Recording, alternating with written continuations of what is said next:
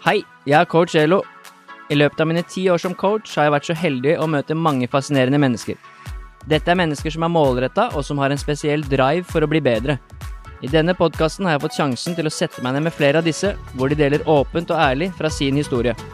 Her deler de både erfaring og verktøy som er verdifulle for alle som ønsker å skape en forandring i livet sitt. Har du et mål eller et ønske om å forandre noe i ditt liv? Da er denne podkasten for deg.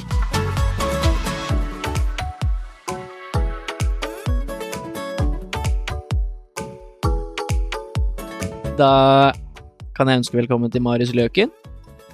Vi sitter i leiligheten din på Carl Berner, og ganske kult at du har valgt å bli med i denne episoden her, for du er en travel mann som driver med mye, så det setter jeg stor pris på. Takk for det, Ole. Spennende å være med. Du er jo mer vant til å gjøre podkast enn meg, så denne episoden tror jeg blir bra. Vi skal jo snakke litt om det du har blitt litt kjent for, som er halloween-drapet. Det skal du fortelle litt om, hva som skjedde og, i korte trekk, men eh, det skal handle kanskje mest om livet etterpå. Det du har gått gjennom for å snu det her til noe positivt. Eh, litt din reise, og hvordan du, i hvert fall i mine øyne, har vært et veldig bra forbilde på hvordan man kan reise seg da, når noe, når noe kjipt skjer i livet. Og så skal vi også trekke noen paralleller mot idrett, faktisk. Eh, og det gleder jeg meg veldig til, hvor et av temaene er psykisk helse. Jeg gleder meg, jeg også. Jeg kommer liksom ikke unna av um, historien og, og, hva som skjedde med, med tanke på alvindrapet. Det er jo det jeg lever av å, å, fortelle om, og det er jo det som har gjort meg veldig mye klokere. Så vi kan lage en liten ramme der for de som ikke har, har fått med seg hva det eventuelt er. Så For du, du holder mye foredrag nå, og det er litt det du driver med? Ja, så siden du spør meg akkurat nå, midt under en pandemi, så er det jo betydelig mindre foredrag enn det det har vært, men nå er markedet, nå er markedet på vei tilbake igjen. Jeg hadde mine første turer um, forrige uke, uh, og nå løste det, og nå har både jeg og liksom kunder og alle folkene der ute lært seg hvordan gjør vi dette her?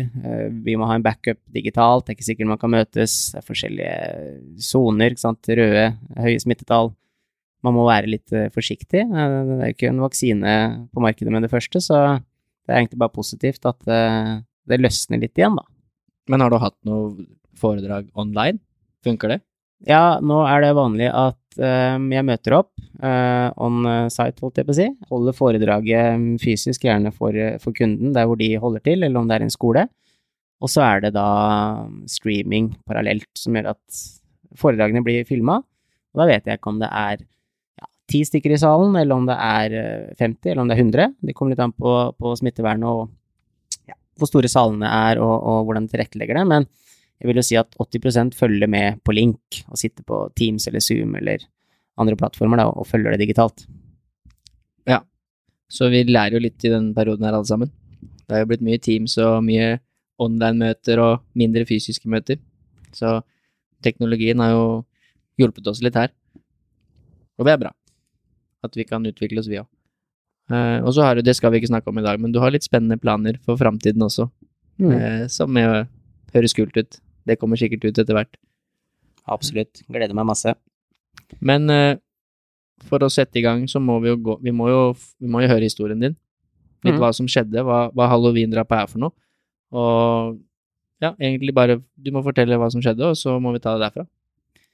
Ja, det er jo en eh, interessant tid vi er inne i nå. For nå på innspillingsdagen i dag så er det jo ikke så lenge til vi er nøyaktig på den datoen hvor eh, alt ble snudd for det som da er straks ni år siden.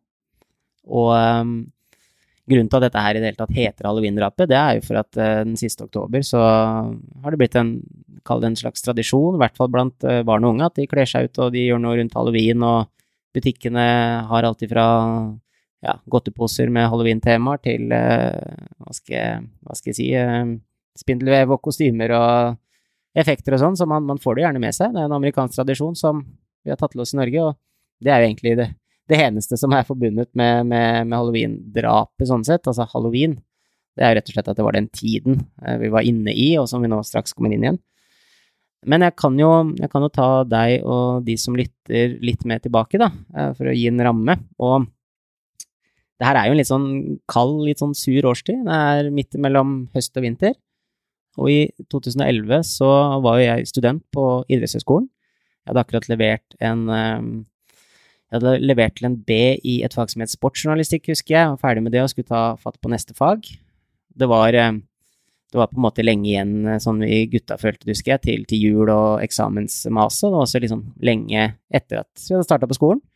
Så det var en, det var en lørdag, 29. oktober 2011. Da bodde jeg på Bislett, like ved Bislett stadion i Oslo. Og der delte jeg leilighet med, med to kamerater. En jeg hadde kjent fra videregående, og en jeg ble kjent med i Oslo. Og um, vi bestemte oss for å være litt sosiale, og da kom det et par barndomskompiser uh, innom. Um, pluss, pluss. Vi var ca. ti stykker som uh, bestemte oss for at vi skal ta noen uh, øl den lørdagen her, og egentlig bare henge sammen. Um, kvelden fortona seg egentlig som alle andre lørdager med den her type formål. Det som var litt unikt, var at Andreas, en av barndomskompisene min, han, han ville absolutt kle seg ut. Han var utkledd som Zorro.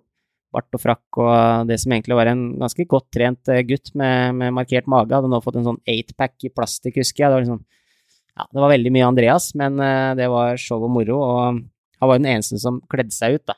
Vi skulle jo ikke feire noe halloween. Det, sånn. var egentlig fast bestemt på, så jeg husker at jeg hadde på meg en fargerik bukse. Det var egentlig bare for å vise at jeg hadde engasjert meg litt. Og så drar vi ut på byen, og paradokset var at vi kom jo ikke inn et eneste sted fordi vi hadde Zorro på slepp den eh, tida vi er inne i i oktober, er jo som sagt en sånn kald, litt sånn sur årstid, og det, det gjorde at jeg var ganske lei av å gå og traske og ikke komme noe sted, fordi vi tross alt hadde med oss den Hollywood-stjerna som Zorro er. Um, og da hadde vi gått ganske langt, og til sist så var vi tilbake til start, vil jeg si. Um, vi var i Bogstadveien, og da hadde vi vært vi hadde vært nede i, nede i sentrum. Vi, vi, hadde prøvd oss på et sted som het Tempe, som ligger ved rådhuset. Vi hadde vært på Solli plass. Og nå var vi da tilbake i Bogstadveien, 600 meter unna leiligheten, eh, ca. tre kvarter etterpå. Der fant vi et sted som, eh, som, vi gikk inn på, som til slutt slapp inn Zorro. Der tror jeg ikke det spiller noen rolle om du er Zorro, julenissen, pensjonist, eh, hva du hadde kledd deg som, eller hvordan du kom.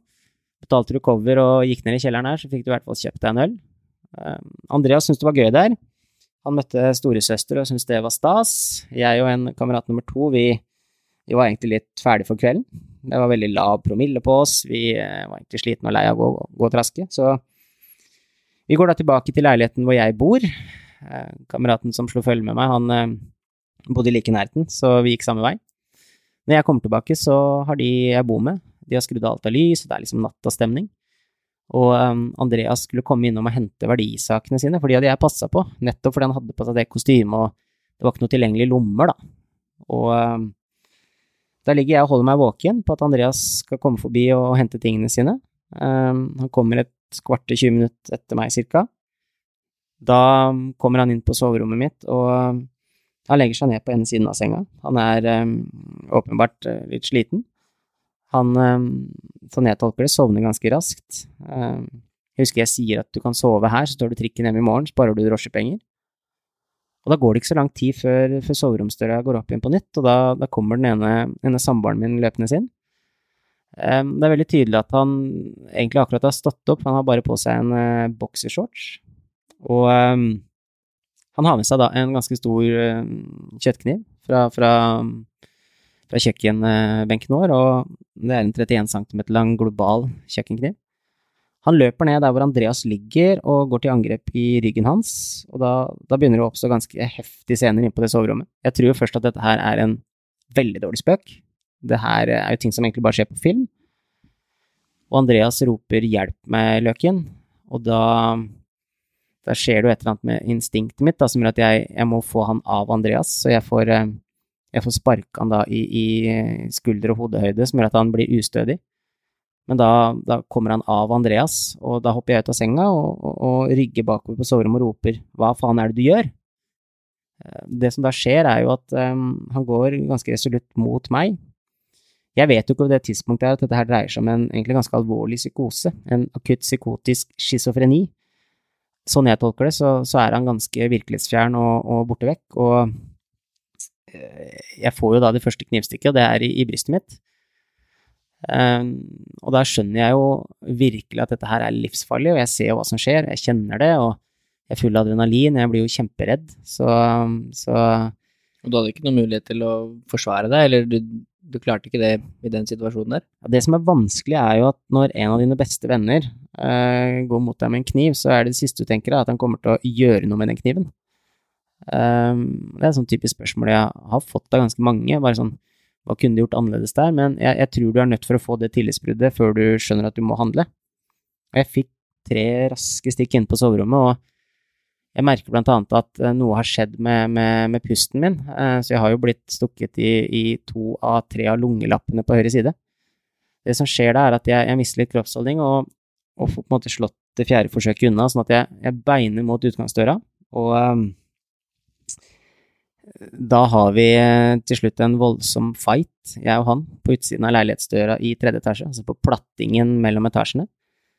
Um, og der får jeg jo da de resterende, resterende stikkene. Jeg får totalt 20 stikkskader på kroppen. Jeg klarer ikke å forsvare meg etter hvert. Jeg begynner å bli ganske svak, og jeg er blodfattig, og det er fullstendig kaos. Og jeg skriker for å se om jeg kan få hjelp i bygården. Og det, det hører naboen i femte, så han, han, beiner nedover, og um, han ser hva som skjer, begynner å hoie og skrike, og han skaper jo da en avledning for meg, og um, da følger samboeren min med kniven etter han opp til femte etasje. Naboen får, uh, får lukket seg inn i egen leilighet og er trygg, mens jeg får luka mi til å komme meg, komme meg unna. Da sjangler jeg meg ned i portrommet, eh, kommer meg etter hvert ut på gata. Jeg hører da at det buldrer bak meg at jeg har tidspress. Kommer ut da like ved lyskrysset, og um, der står det en sølvfarga bil som venter på å få, grønt lys. Det er eh, Monir i Oslo Taxi. Han eh, har en passasjer, og eh, det er ei svensk jente som sitter baki. Jeg får da eh, tatt hånda på bilen, lukker opp eh, sidedøra foran, legger meg inn og sier 'hjelp meg, jeg dør', og da tror jo de i bilen, både drosjesjåføren og, og, hun svenske jenta, at dette her er jo en dårlig spøk, men så skjønner de at dette her er, det er veldig alvorlig. Um, snur bilen raskt og durer av gårde til, til legevakta.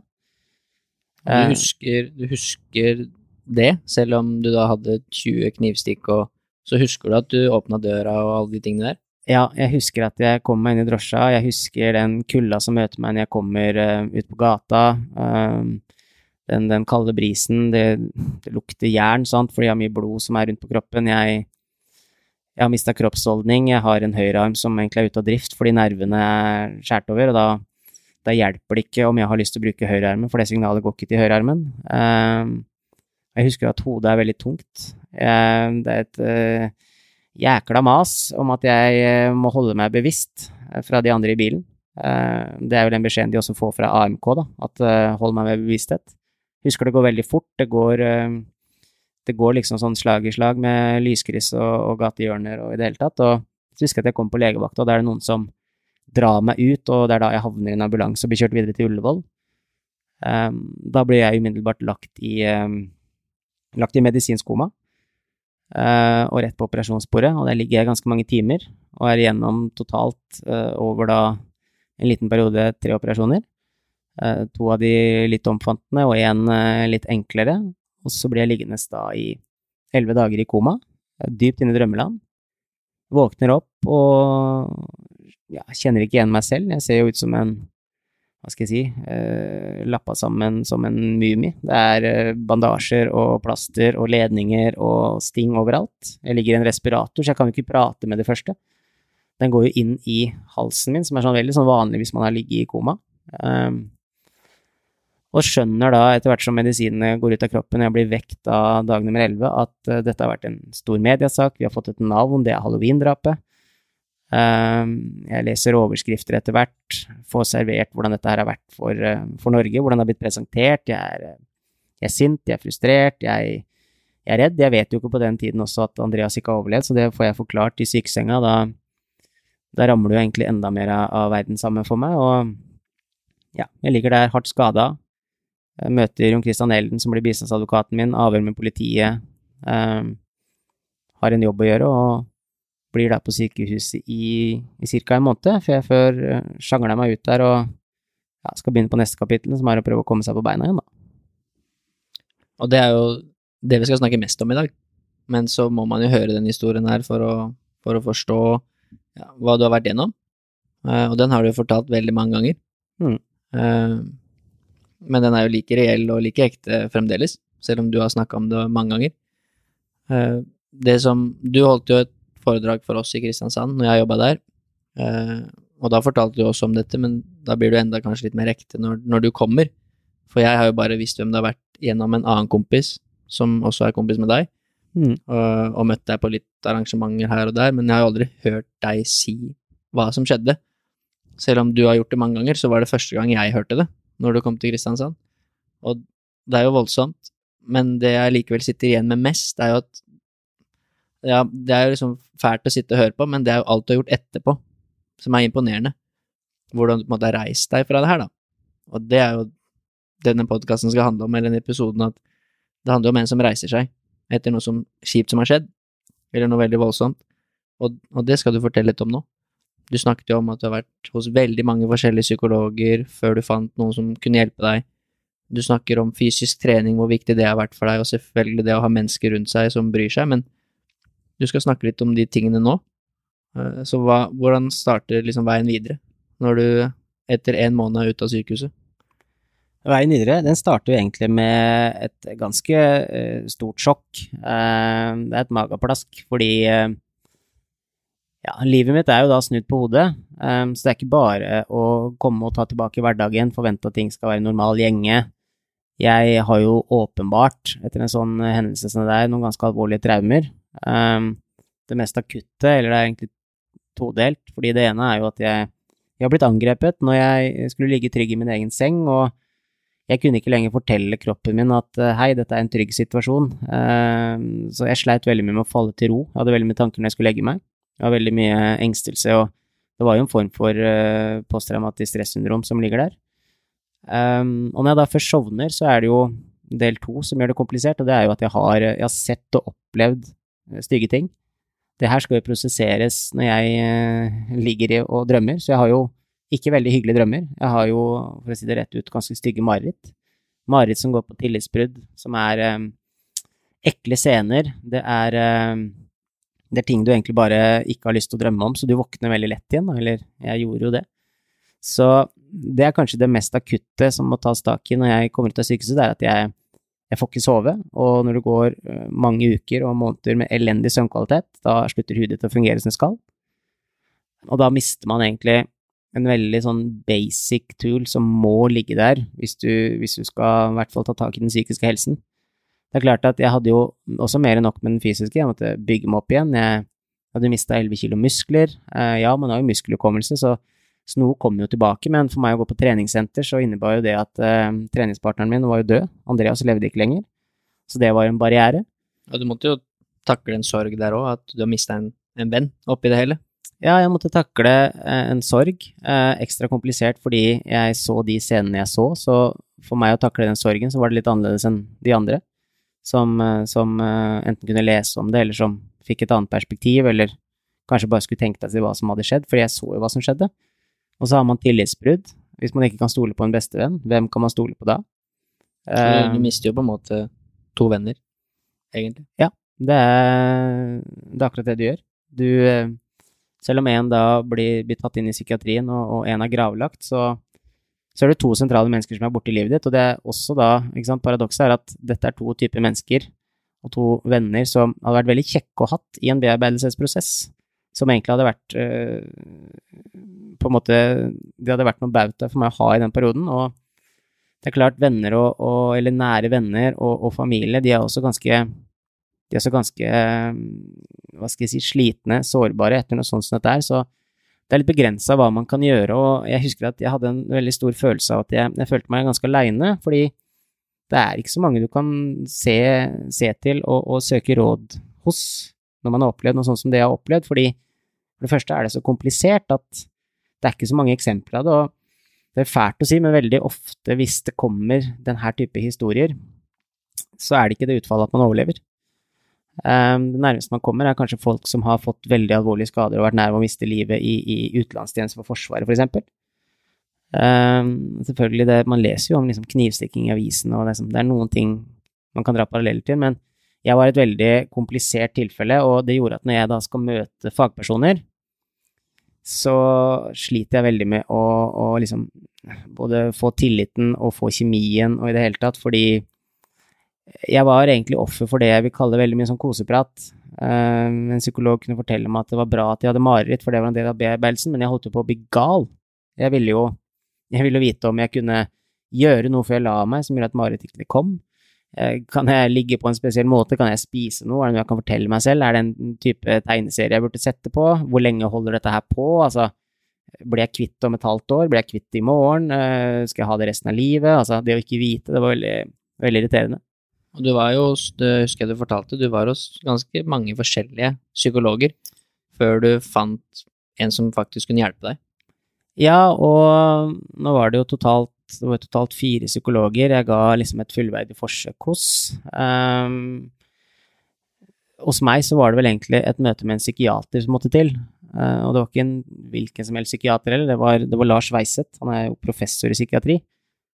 Eh, han som person er jo noe jeg vil kalle et levende leksikon. Han, eh, han har vært i gamet så lenge at han, han, var ikke redd for å gi meg litt tidsperspektiver, fortelle meg litt hvordan ting var. Altså, han rekonstruerte ting, han, han hadde et litt annet syn på hvordan man skal komme seg. og han var veldig opptatt av at jeg, jeg kommer til å bli veldig mentalt sterk etter hvert, øh, men jeg har mest sannsynlig fem år igjen med prøving og feiling, hvor det gradvis vil minke, og jeg, jeg har et valg å ta, og det er enten å leve med det, eller å dytte det vekk, og for meg så var det egentlig aldri noe alternativ å dytte det vekk. To meter med arr på kroppen. Um, det her var en så nær hendelse at jeg måtte jo da bare lære meg å akseptere at det var sånn, men det var litt deilig å få tatt det valget, da. For han var jo ganske Eller det mener jeg husker at du sa, at han var ganske tøff med deg òg, eller sånn så han syntes, liksom, Det var ikke sånn at han nødvendigvis syntes så synd på deg, han også var litt sånn at du må ta deg sammen. Ja, og det er jo stor forskjell på å synes synd på og ha en forståelse. Um, empati, det, det, er jo fint for oss mennesker, men man kommer til et punkt, og det her er kanskje det mest avgjørende og, og viktige å tenke over når kjipe ting skjer. Det jeg lærer i den perioden jeg nå er inne i, som jeg forteller om, og det er jo nettopp at hvis ikke du kan tillate deg selv å faktisk være litt nedi den kjelleren, da, metaforisk, um, det å bare være litt nede i et hull og ikke helt komme deg opp, så, så, er det vanvittig mye læring. Um, det jeg tenker på veldig konkret, er at du må, du må kjenne litt på situasjonen. Du må, du må, rett og slett akseptere og bli litt sint over at livet kanskje er litt urettferdig. Eh, akseptere at dette her har skjedd med deg. Bli kanskje ferdig med å være frustrert og, og litt forbanna, sint, oppgitt, alle disse tingene som, som kommer i en sånn situasjon. For hvis ikke man kjenner på det der, så, tror jeg ikke man, man er eh, klar for å få verktøyene for å komme seg opp igjen, hvis ikke du har vedkjent at liksom dette her er dritt, dette her er fælt, eh, ting bare ruller og sklir, og vi er på vei mot eh, noe som ikke er bra. Um, så det er, det er, noe med det at du kan ikke forvente at du knekker koden når du møter motstand med en gang, du er nødt for å kjenne på situasjonen, og da har du også muligheten til å sakte, men sikkert da bare bygge motivasjonen og et momentum, da, og det tror jeg du trenger. Du må, du må, ha en viss sult for å snu det. Og hvis ikke du har stått lenge nok i det, så tror jeg ikke den sulten er sterk nok. Nei, det er helt sikkert bra oppsummert. Det er jo uansett vanskelig å skulle sette seg inn i. Men det er som du sier, alle går gjennom noe som er kjipt. Eh, og det er lov til å ha det kjipt selv om de ikke har opplevd det samme som du har opplevd. Eh, og de må kanskje gjennom mange av de samme prosessene. Eh, vi skal jo ta noen paralleller mot idrett etterpå. Men nå har du i hvert fall vært hos han psykiateren som du følte kunne hjelpe deg. Så hva er da steget videre? Du har jo snakket litt om fysisk trening, kommer det inn her, eller var det før eller etter, eller du, Det er jo flere steg før du på en måte er tilbake, der hvor du er nå. Ja, det neste steget, det er jo at eh, Altså, nå må vi da huske på at jeg har vært i en ganske dårlig sone i halvannet år. Så jeg, jeg sjekker av på det punktet om å ha kjent på motgangen. Uh, der har jeg vært en stund. Så jeg er mottagelig for å møte en person som Lars, da, som uh, både kan være litt kritisk, kan uh, legge noen fakta på bordet. Det er litt sånn uh, bort med de putene under arma, og vi legger da en plan. Den er jo også jeg da som sagt mottakelig for å ta imot den planen. Det er jo essensielt, det som du sier der, at du må jo være mottakelig for at det skal skje en endring. Ja, definitivt. Og det, det kan være kan være så mange eksempler på det, at liksom du, må, du må gå på en smell før du skjønner det. Uh, det, er en grunn til at uh, ulykkesstatistikken kanskje er litt høy når du akkurat har tatt førerkort, fordi du tror kanskje du er verdensmester, og så må du kanskje bulke litt, finne ut at det er dyrt, kanskje du sklir av veien og bank i bordet, det går uh, veldig ofte bra. Da har du lært av det. Altså, det sånn, folk kan alltid fortelle oss hvordan ting skal gjøres, men det å erfare det selv, det å ha sløst bort stipendet og finne ut at det er ikke så kult å leve på nudler i tre uker, det er liksom alle disse små erfaringene vi gjør oss, de, de er veldig viktige. Og det gjelder også når det kommer til motgang, at du, du, må, du må på en måte ha noen erfaringer. og det som da ble viktig, er jo at Lars er opptatt av å få meg i gang, uh, få meg tilbake til å bli litt mer lik meg selv. Så vi legger en plan om at jeg skal begynne å trene. Jeg skal gi det et skikkelig forsøk. Det betyr ikke at jeg skal kanskje gå på trening en gang eller to i uka, men jeg skal brette opp armene, og jeg skal komme meg dit fem eller seks ganger. Da er det jo sånn at når du, som jeg i mitt tilfelle gjør, eh, kjøper deg et treningsabonnement, bestemmer meg for at nå skal jeg fullføre dette her, nå har jeg hatt det jævlig lenge nok, så begynner det å skje noe ganske raskt. Uh, når et av problemene mine var at jeg slet med å sove, så er det jo en fordel å ha vært litt fysisk utmatta når du faktisk skal prøve, at kroppen også spiller på lag og tenker at nå kaller vi det en dag. Jeg vet ikke med, med deg, Ole, eller de som eventuelt lytter, om uh, de ser på det som uh, en fin strategi og drar rett hjem og spise en kilo sjokoladekake hvis du har lagt ned en halvannen times trening. Det gjorde i hvert fall ikke jeg, så jeg begynte jo å fokusere litt på hva er, jeg, hva er det jeg fôrer kroppen med, hva er det jeg putter i kjeften. Det drar jo med seg mange, som du sier, gode vaner. Ja. Både på søvn og ernæring og ikke minst endorfiner, og du føler deg bedre, og så at du har progresjon, da mestringsfølelse. Det er jo dette jeg jobber med, og det gjelder like mye for alle andre som det gjelder for deg i den situasjonen der. Så ja, er så, jeg er ikke så overraska over at du får positive effekter av å, å begynne å trene. Nei, definitivt ikke. Um, og det er jo da det som er avgjørende for at uh, den snøballen her begynner å rulle.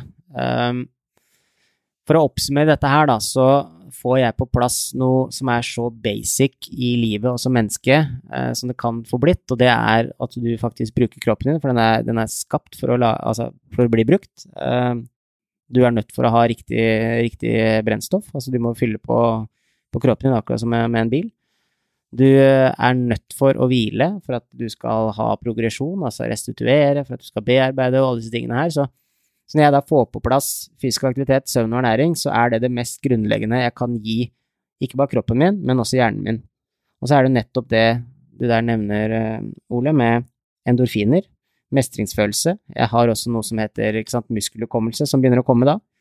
Eh, jeg føler meg ikke lenger som et, eh, hva skal jeg si, lite fuglebryst med dårlig kroppsholdning. Jeg begynner å få litt skuldre igjen. Jeg begynner liksom å få litt form. Jeg kjenner liksom at det kommer en biceps, det er noen magemuskler som liksom begynner å, å få et lite løft, og det er sånn Summa summarum, da, så er det også veldig deilig å se progresjon fysisk, for det er veldig vanskelig å måle og se det psykisk. Men det å kunne stå i speil og Det blir litt sånn klisjé hva skal jeg si, stå i speilet rett etter trening og bare 'Har det skjedd noe? Yes, i dag er det pump.' Uh, skape litt selvtillit, vri selvbildet. Og når du har to meter med rosa hår på kroppen, så kan jeg skrive ned på at det er gull verdt å, å, klare å ta tak og ta ansvar for den situasjonen ved at man begynner å få selvtillit og begynner å føle seg litt barskere. Det kommer jo gjerne med ja, veldig basic, da, som litt enkel styrketrening. Det, det, kan rett og slett hjelpe til med akkurat det, da. og det var viktig for meg. Og det, jo, det er verdt å nevne at du, du var jo aktiv før det her skjedde. Du har jo alltid vært glad i å trene og drevet med fotball og andre idretter. og det jo, dette er jo noe du egentlig alltid har hatt lyst til å drive med, som også blir borte eh, på grunn av at du, er, du, havner i den situasjonen og, og, er, som du sier, i kjelleren i halvannet år, da. Så mm. du mister jo også en del ting som du kanskje gjerne skulle ønske at du kunne drive med.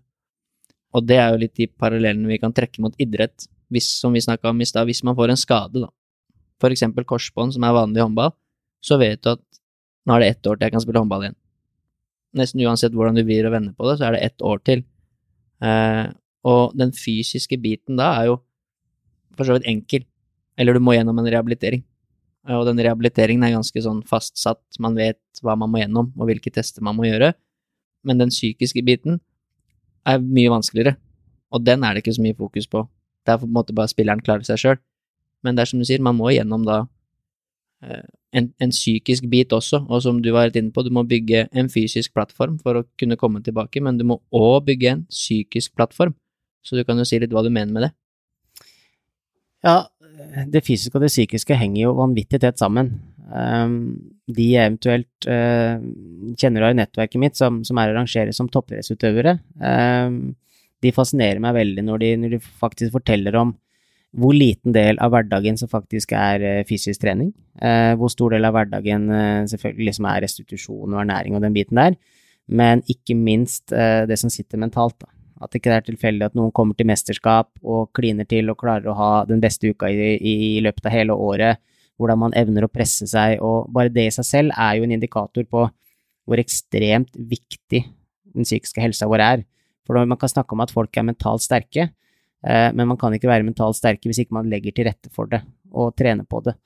Og man kan ikke trene på noen ting. Altså, du, du, du, du kan ikke løpe eh, 3000 meter eh, fire ganger i uka hvis ikke du har nok søvn og nok ernæring. På samme måte så kan du ikke forvente at du klarer å snu en depresjon eller en negativ tankespiral hvis ikke du spiser riktig, du sover, og du bruker kroppen på et eller annet, et eller annet sett og vis. Så det er, noen, det er noen, ganske sterke paralleller, og, og, fysisk og psykisk helse er ekstremt sammensatt. Det er uh, to forskjellige ting vi prater om, men det er også to veldig like ting, og det er to ting som er som er ekstremt sterkt connecta, da, hvordan det fungerer. For det, det som, som, jeg la litt merke til, som du sa i stad, er at eh, en av de tingene du slet med, var at du var i en situasjon, altså du skulle sove, eh, som er, skal være en trygg situasjon, som du skal ha kontroll på, så det er ikke noe farlig som skal skje da, og det slet du vel med etterpå.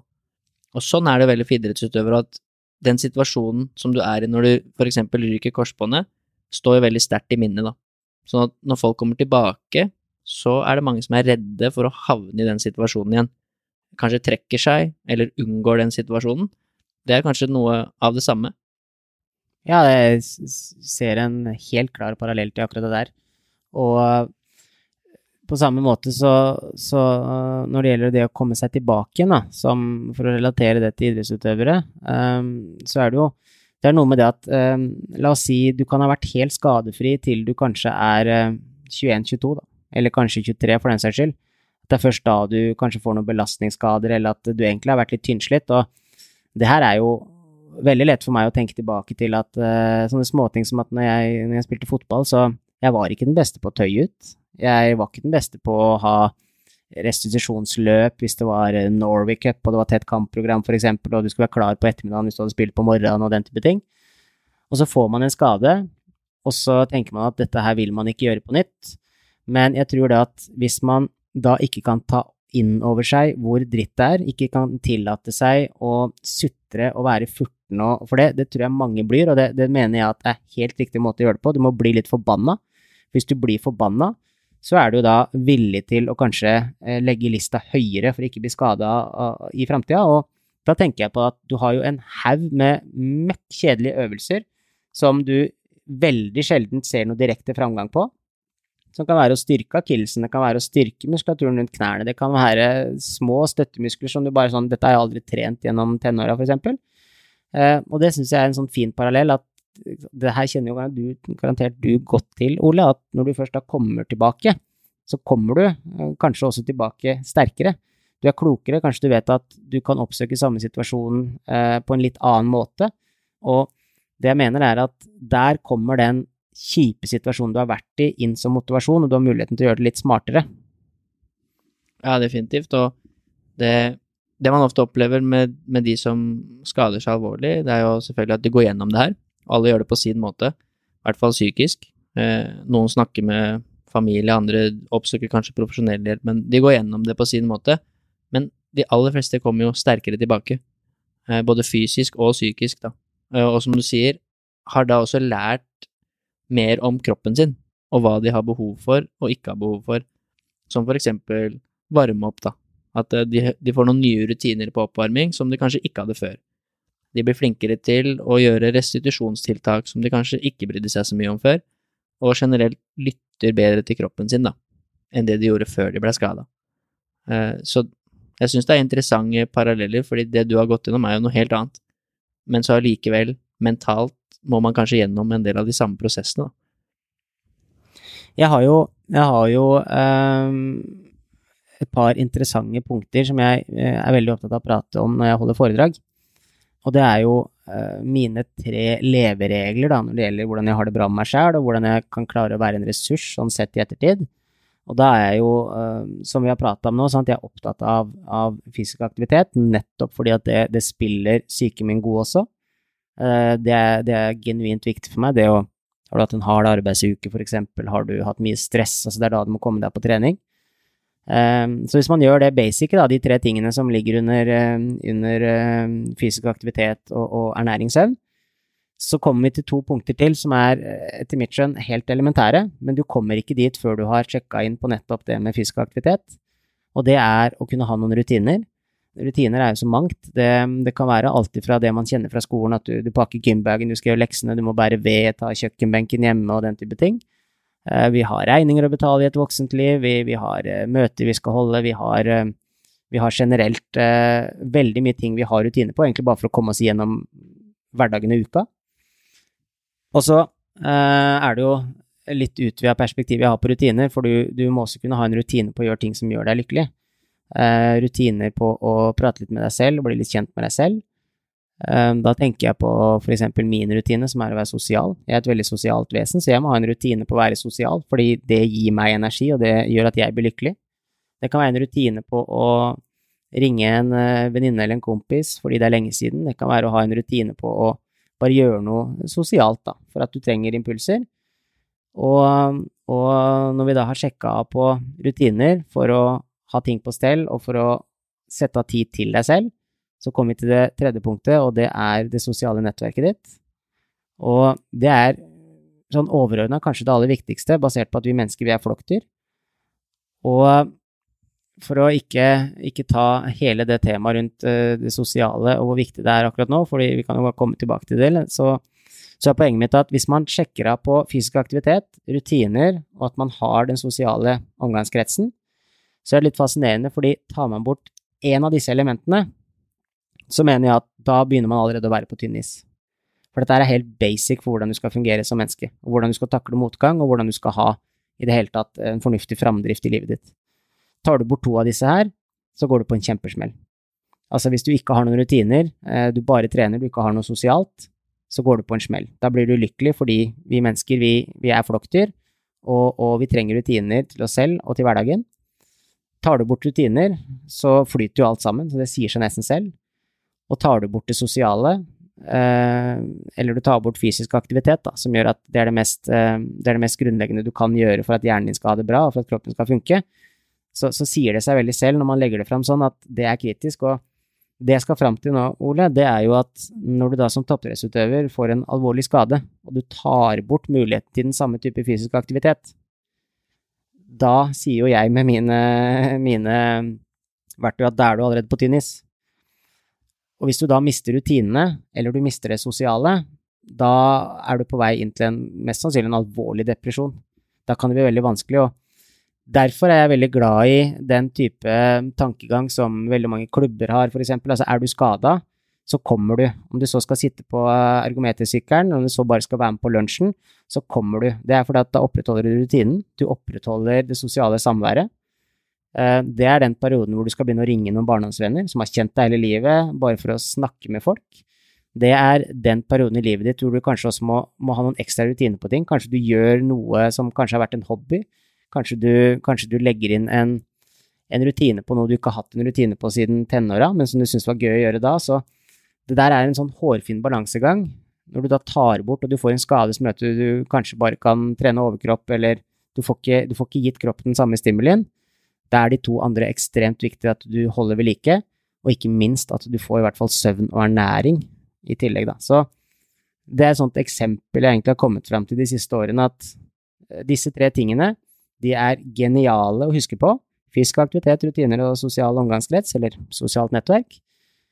Og de er kjempeskumle hvis du begynner å plukke de fra hverandre, fordi veldig mange tar dette her litt for gitt. Ja, det syns det Jeg har ikke tenkt på det på den måten før, men jeg har vært innom alle de samme tingene, men ikke satt det i system, sånn som du sier nå. Men når noen får en skade, da, for eksempel i håndball, som er relevant for mange av de som hører på også, tror jeg, så er det helt åpenbart at det fysiske, det blir borte. som du sier, altså du får ikke gjort det som du har lyst til å gjøre, eller det som du kanskje skal gjøre for å bli bedre i den idretten du gjør, så den blir borte. Og det er også veldig mange da som mister rutinene sine, av ulike årsaker. Så noe vi har vært veldig opptatt av, eller som jeg har vært opptatt av, er at disse spillerne da, som du sier, allikevel er en del av laget, da. At de trener når laget trener, men de gjør kanskje noe annet, men de er der, sammen med de andre, da. Når de andre trener fysisk på morgenen, så gjør også de det. Og når de andre er i hallen på ettermiddagen og trener fysisk, så er de også der. Selv om de kanskje gjør noe helt annet, bare sitter og sykler eller gjør noe som ikke har noe med det å gjøre. For det er jo som du sier, det er fort gjort da å begynne å miste også rutiner. Og hvis du da i tillegg begynner å miste det sosiale, som du sier, da rakner jo alle tre. Og da, da tror jeg det blir vanskelig. Og jeg har ikke tenkt på det på den måten, men jeg tror jo også du, du går inn i en slags depresjon når du får en sånn skade. Eh, det er jo ganske tydelig på de som opplever det, at de blir jo ikke de samme som de pleier å være, for de får ikke lov til å gjøre det som de pleier å gjøre. Jeg mener jo dette her egentlig eh, veldig, veldig bastant. Holdt på å si Olympiatoppen kunne sikkert arrestert meg på dette her med det jeg nå skal si, eh, Ole, men er du skada og du går på krykker, kanskje du har det mest komfortabelt med, med, med benet 30 cm høyere enn en brystkassa, og, og, du egentlig kan tenke deg å ligge på sofaen fordi nå er tida inne for det, og kanskje alt har vært et uh, sinnssykt uh, kjør helt fram til du blir skada, så får du plutselig litt tid til deg selv. Um, da, da, har det seg sånn at hvis du, hvis du da ikke tar på deg den lille vondten som det vil være å hinke deg til eh, hallen eller til, til klubbhuset eller til trening, da, bare for å være der, så tror jeg veien kommer til å være veldig lang å gå. Og det jeg mener nå, er at la oss si at kanskje du bruker én måned lenger på å være tilbake, hvis vi skal ta for eksempel håndballbanen, da. Fordi du, du velger å kanskje komme deg til klubbhuset selv om du har litt vondt det du oppnår med å komme på klubbhuset, det gjør at hele den perioden, da La oss si at du får 13 måneder hvor ting er ok, istedenfor at 12 måneder hvor ting er dritt. Det mener jeg er en, eh, et fint perspektiv å ha. For hvis du, hvis du, gjør den type ting, selv om du har litt vondt, selv om du kanskje ikke vil, og, og den treningen har kommet seg opp, eh, ikke bare blir du sterk mentalt, men du, du sikrer i hvert fall at du får det sosiale, og da har du en rutine. Og er det noe jeg ikke skjønte når jeg var eh, 16-17 år og, og ødela akillesen, for eksempel, tre måneder på krykker, så var det logikken med at hvorfor i all verden skal jeg kjøre fra Hemsedal til Gol, hvor uh, Hallingdal fotballklubb uh, har treningene sine, når jeg går på krykker? Det gir jo ingen mening for en 15-16-åring. Da kan jeg sitte hjemme og game. Altså, det er en halvtime kjøring, må få noen til å kjøre deg, du har ikke lappen på den tida, sant, så det er sånn. Men sett i et voksent perspektiv, så var det genuint viktig. En sånn enkel ting og det syns jeg eh, er fint at jeg fikk i den alderen. Det her er jo fortsatt eh, på grensa til barneidrett, selv om man har begynt å spille juniorfotball.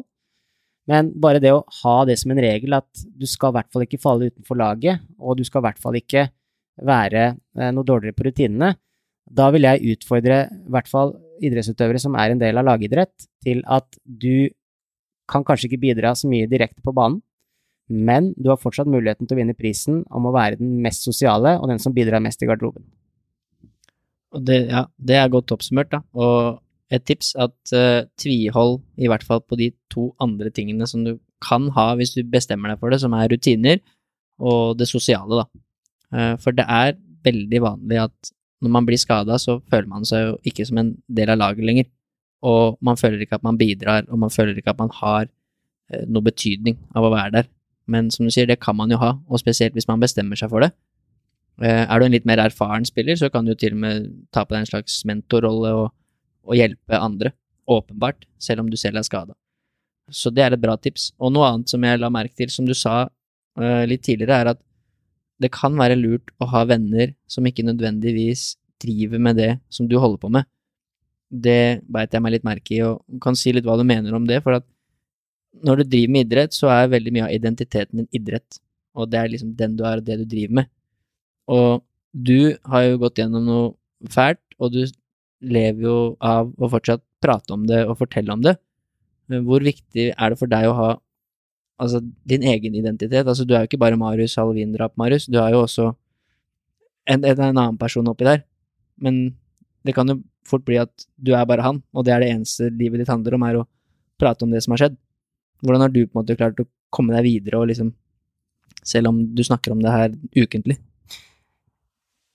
Ja, altså Jeg som person er jo det man ville definert som klassens klovn. Eh, jeg bruker selv å si at jeg er en seriøs kødd. Eh, det jeg mener med det, er at jeg har en eh, veldig rampete side, jeg har en veldig barnslig side. Og så har jeg den voksne, litt mer reflekterte siden, som det har blitt med tida. Altså, jeg holder veldig mye foredrag, jeg snakker veldig mye om psykisk helse. Selv om jeg ikke er noe akademiker på området, eksempel, så, så har jeg veldig mye voksne, dype samtaler både med folk jeg møter, og, og det blir veldig naturlig og veldig mye snakk om saken min. Men på samme måte så er jeg ekstremt avhengig av å kunne ringe en barndomskompis og bare snakke om uh, hvordan det nye Fifa-spillet var. Eller uh, rett og slett bare, bare, henge og se på fotball, eller uh, bare prate om hva som helst. snakke om et leilighetskjøp, eller diskutere om en eller annen fæl person man møtte på bussen. Den type aspekter er ekstremt viktig. og jeg er jo i en alder nå hvor altså jeg er 31 år. Jeg merker at de jeg kjenner som har vært og kanskje fortsatt er idrettsprofiler, de begynner jo nå å gi seg. Kanskje knærne nå ikke holder lenger, eh, kanskje de rett og slett er lei, kanskje de har tatt steget ned, hvis du tar fotballbanen, ned til førstedivisjon eller andredivisjon. Det er liksom helt på tampen at det kun er bedriftsfotball de kan holde på med. Eh, eller at de har kjørt snowboard, vant til mye hype, eh, vant til å leve livet i USA, eh, Europa altså Bare for å gi noen eksempler, så så er jeg oppriktig bekymra for de som har drevet såpass mye med idrett, og det har vært livet, hvis den overgangen blir for brutal. sant? Vi har jo massevis av eksempler på det, særlig norske fotballspillere i, i utlandet, Premier League eksempel, som har kommet tilbake, kjørt det ene og det andre litt i grøfta, folk har plutselig fått et annet syn, eh, landslagshelten er ikke den samme lenger. Så det jeg skal fram til nå, er at det er viktig i det daglige at du har en avkobling, at du har folk som du ikke bare prater idretten din med, konkurransen med eller neste kamp eller neste utfordring. Og det er en parallell til den dagen du gir deg, så ikke du får et sjokk. Du er nødt for å, å ha en overgang, og der kommer det sosiale nettverket virkelig til syne. Fordi på samme måten som at når du eventuelt blir skada eller noe kjipt skjer, så er det viktig at du har vært hyggelig, at du har brukt nok tid med folk rundt deg. Du må ikke ha en haug med bestevenner, men du bør ha en litt bred kjerne med mennesker som du er hyggelig med, som uh, du veit vil deg godt. De kommer til å stille opp når du trenger det, når du har det kjipt, hvis du har investert. På samme måten så kommer de til å være der og backe deg når du ikke lenger får det altså adrenalinrushet, den stemningen kanskje under en kamp eller under en prestasjon eller et mesterskap. Så det er, når det kommer til, kommer til idrett, selv om man kanskje kan være, eh, hva skal jeg si, en eneste på sitt eget lag, man driver, man driver singelidrett og, og, og, har egentlig bare konkurrenter, så er det akkurat like relevant om man så skulle vært lagspiller. Det her gjelder for alle. Du er nødt for å ha en ramme utenfor ramma, og det er den beste plattformen du kan ha, både når du blir skada, og ikke minst når du gir deg, når du er ferdig med karrieren din, og når, rett og slett når, livet tar noen nye vendinger, da, så trenger du av og til folk rundt deg, og da da må du ha investert. Og er du skada, så mener jeg at det er en knallbra anledning til å ringe en gammel uh, venninne eller kompis. Ikke la det gå for lang tid, og investere litt sånn. Og hvis du da kanskje Det er noen ting du ikke kan bli med på, og du blir kanskje ikke med på en bortekamp, uh, kanskje du skal fly og det er ikke noe vits å herje sånn. Bruk den tiden til å lage noen nye rutiner. Bruk den tiden til å bli litt kjent med deg selv, fordi ting har gått slag i slag. Alle sier at alt var bedre før. Går du på videregående, så var det veldig lett på ungdomsskolen. Eh, går du på universitetet, så var det mindre stress på videregående. Sånn vil det alltid være. Så det å utnytte situasjonen og tenke over de tre verktøyene i, ganske mange situasjoner, det mener jeg at lager en plattform for deg uansett. Og det, det tror jeg er et bra tips for idrettsutøvere å tenke på det daglige, ikke bare når de er skada men at eh, når de først har en frihelg, da, så kan det være fort gjort at da er man jo sliten og det har vært hektisk, og så er det fort gjort å tenke at jeg vil bare ligge på sofaen. Og kanskje er det riktig også, men det kan jo være lurt å investere også da at ok, jeg reiser hjem og besøker disse barndomsvennene mine eller familien, som du sier, fordi du investerer du i det, at når du da gir deg med idretten din, så har du flere bein å stå på, og du har også den plattformen. Fordi det er fort gjort at hele din identitet handler om det du driver med, og så er det fort gjort å glemme alt det andre. Eh, og så når du er ferdig med idretten, eller kanskje til og med å gi deg for at du blir skada, og må gi deg veldig plutselig, så er jeg i likhet med deg litt bekymra for hvordan man skal takle det. Og jeg kjenner jo også, jeg skal jo ikke nevne navn, men jeg kjenner jo også mange som er på vei til å begynne å gi seg, og som begynner kanskje litt i de banene, og noen av de er jo også ikke sånn at de er bekymra for at det nødvendigvis skal skje noe alvorlig, men at hva skal de drive med når de er ferdig, som de kanskje ikke har tenkt like mye på, da. Så det er kjempegode tips, og det er jo eksempler overalt med folk som, eh, som får en liten sånn identitetskrise når de er ferdig. Eh, så det var derfor jeg spurte deg om hvor viktig det har vært for deg å ha din egen identitet som ikke er halloweendrapet, fordi du fortsatt driver og jobber med det, eh, kan jeg se for meg ganske viktig, da.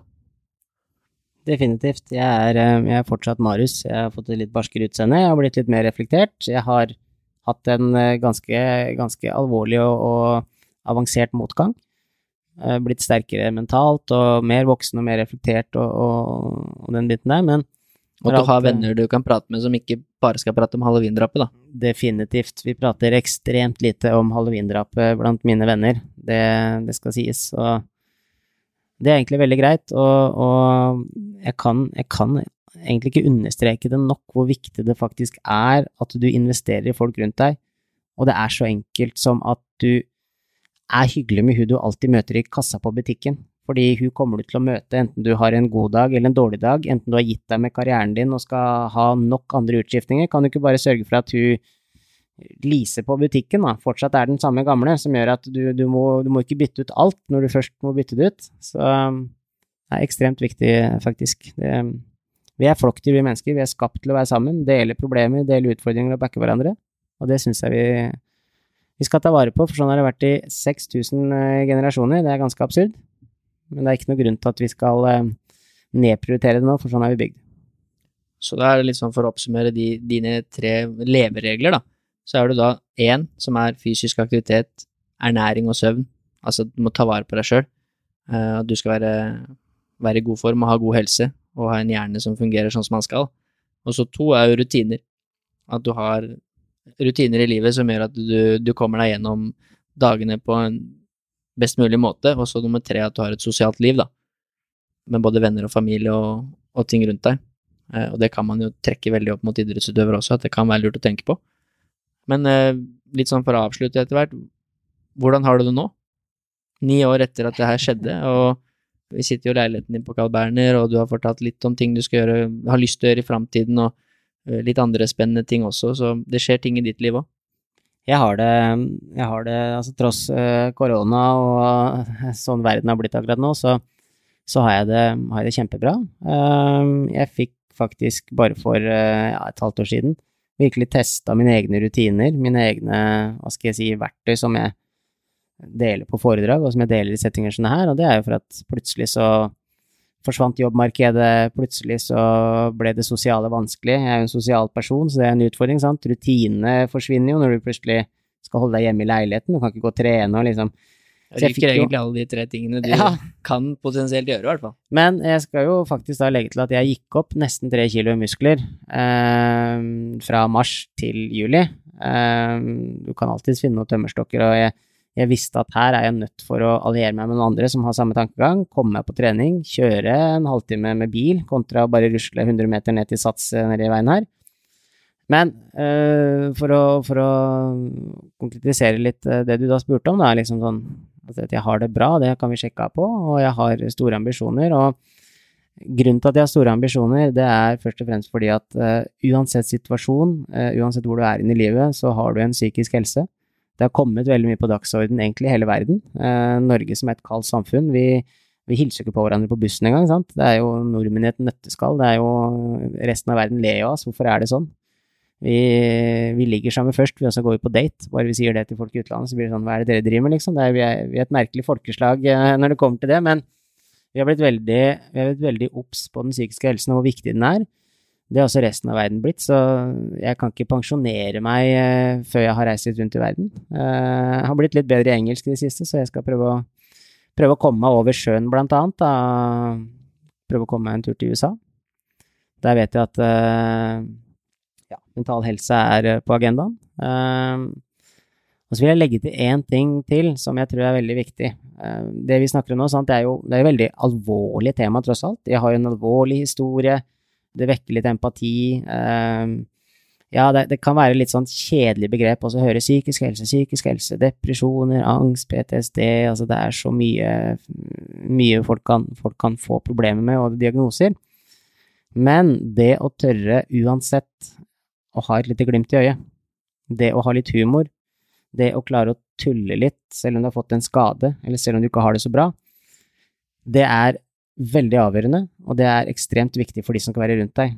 Fordi eh, hvis ikke, du, hvis ikke, du, har sett det selv når du er i en kjip situasjon eller har en dårlig dag, da kan folk være ganske pyton å være rundt. Og det betyr ikke at folk ikke vil være rundt deg, men folk aner ikke hvordan de skal behandle deg. Jeg kan tenke meg at en, en lagvenninne eh, vil kanskje slite litt med å fortelle hvor gøy det var å skåre ni mål hvis eh, lagkameraten har ligget på sofaen og ikke hatt muligheten til å bidra. Og eh, det, det, blir for meg da et godt eksempel på at hvis du har et lite glimt i øyet, så gjør det det veldig mye lettere for folk å være rundt deg når du har det kjipt. Og det gjør kanskje at du kan få noen morsomme vinklinger. Kan du ikke, kan du ikke prøve, å, prøve, å, tulle litt selv om ting er alvorlig? Det har jeg kjempestor tro på. Og så må jeg legge til Jeg er så pratsom, vet du, Ole. Det går helt fint, Marius. Jeg, jeg må legge til én siste ting, og det er alle de menneskene jeg har møtt i den bransjen jeg er i. Eh, jeg møter veldig mye folk innenfor psykisk helse, og folk som har eh, kommet seg til motgang. Folk som kan fortelle liksom de Det er jo en klisjé, men at du må reise deg en gang mer enn du faller, osv. Fellesnevneren for samtlige mennesker jeg har møtt siden jeg ble skada sjøl i er at de det har gått veldig bra med, de som kanskje kan holde foredrag om dette her, som har noe å slå i bordet med at hei, I'm back, det er de menneskene som har prata om ting. Det her gjelder uh, virkelig alle. Det gjelder enten du er gutt eller jente. Kanskje nesten enda mer hvis du er gutt, for vi kan være ganske ræva til å prate om det. Men det å, det å prate ting litt i hjel, det å ha flere du kan prate med Det trenger ikke bare være folk f.eks. I, i klubben eller i idrettsmiljøet, men det å ha nok folk å prate med, og hele tiden kunne prate om det, det er fellesnevneren for alle som har kommet seg tilbake etter motgang i livet det er å prate. At de, ja, at de har prosessert det, og ikke, som du sa i stad, valgt å skyve det vekk. Det var jo aldri en alternativ for deg å skyve det vekk og late som at det ikke har skjedd. Men du ja, prata om det, prosessert det, og derfor så har du også da evnen til å sitte og prate om det nå. Altså du, du blir jo ikke berørt hver eneste gang du prater om det, fordi du har prosessert det og kommet deg over det, da, gjennom å prate. Så det er et kjempegodt tips til alle, uansett hva de driver med. Så Uh, før jeg skal takke deg for å være med, så har jeg to spørsmål som jeg pleier å avslutte med. Uh, og det er jeg litt spent på hva du har å si. Der tror jeg du kan ha mye bra å si. Så det første er hva er du mest stolt av i livet ditt akkurat nå? Det jeg er mest stolt av i livet mitt akkurat nå um, Nei, det tror jeg egentlig må være må være at jeg har klart å snudd noe som har vært superkjipt, til å være en fantastisk jobb og en fantastisk hverdag. Hvis noen hadde fortalt meg dette her i 2011, 2012, 2013, at dette her kommer til å, å åpne noen vanvittige dører, så hadde jeg jo aldri trodd det skulle skje. Uh, og det er sikkert et litt sånn klisjésvar å svare, men jeg har, i, jeg har vært i over 200 kommuner. Jeg har fått sett veldig mye av Norge. Jeg har blitt kjent med ekstremt mye mennesker. Jeg har møtt veldig mye kule, fascinerende personligheter. Jeg har fått være innom alt ifra idrettsklubber til Forsvaret. Jeg holdt jo foredrag for Vålerenga, det var kjempestas. Jeg har jo tatovert Vålerenga på armen, det sier jo litt, sant? Men alle de mulighetene jeg har fått, det er vel det jeg er eh, mest stolt over. Og det jeg har lyst til å konkretisere det med, det er at det jeg er aller mest stolt av den dag i dag, det er at jeg har fått kjenne på min egen kapasitet, og det har gitt meg en trygghet som gjør at jeg er ikke redd for det som venter i framtida.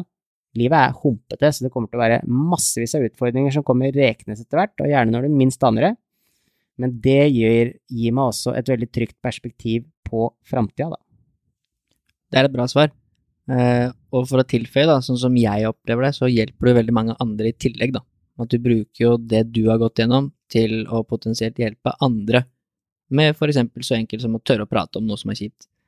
Så du er jo en inspirasjon, og bruker alt du har vært gjennom til å være et godt eksempel.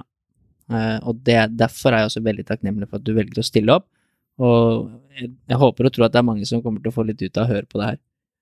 Så det siste spørsmålet, da stiller jeg deg et spørsmål, og så skal du lage et spørsmål tilbake. Eh, Der tror jeg også du har masse bra å komme med, men du kan jo prate til i morgen hvis du får lov til det.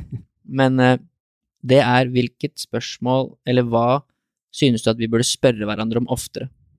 Altså oss- medmennesker imellom, da. Ja, det er vel egentlig bare å ta temaet som verdensdagen for psykisk eh, helse har hatt. Og det er dessverre ikke et spørsmål, men det er en oppfordring, og det er å spørre mer. Greit, skal man velge et spørsmål, så må det da naturlig nok bli hvordan har du det egentlig? Og ikke bare halla, alt bra, halla, hvordan går det? Spør hvordan har du det egentlig? Det må jo falles naturlig, da, selvfølgelig. Du kan ikke bare spørre en eh, tidligere barndomskompis på butikken hvordan har du det egentlig, men ja, det å ta den gode samtalen, da.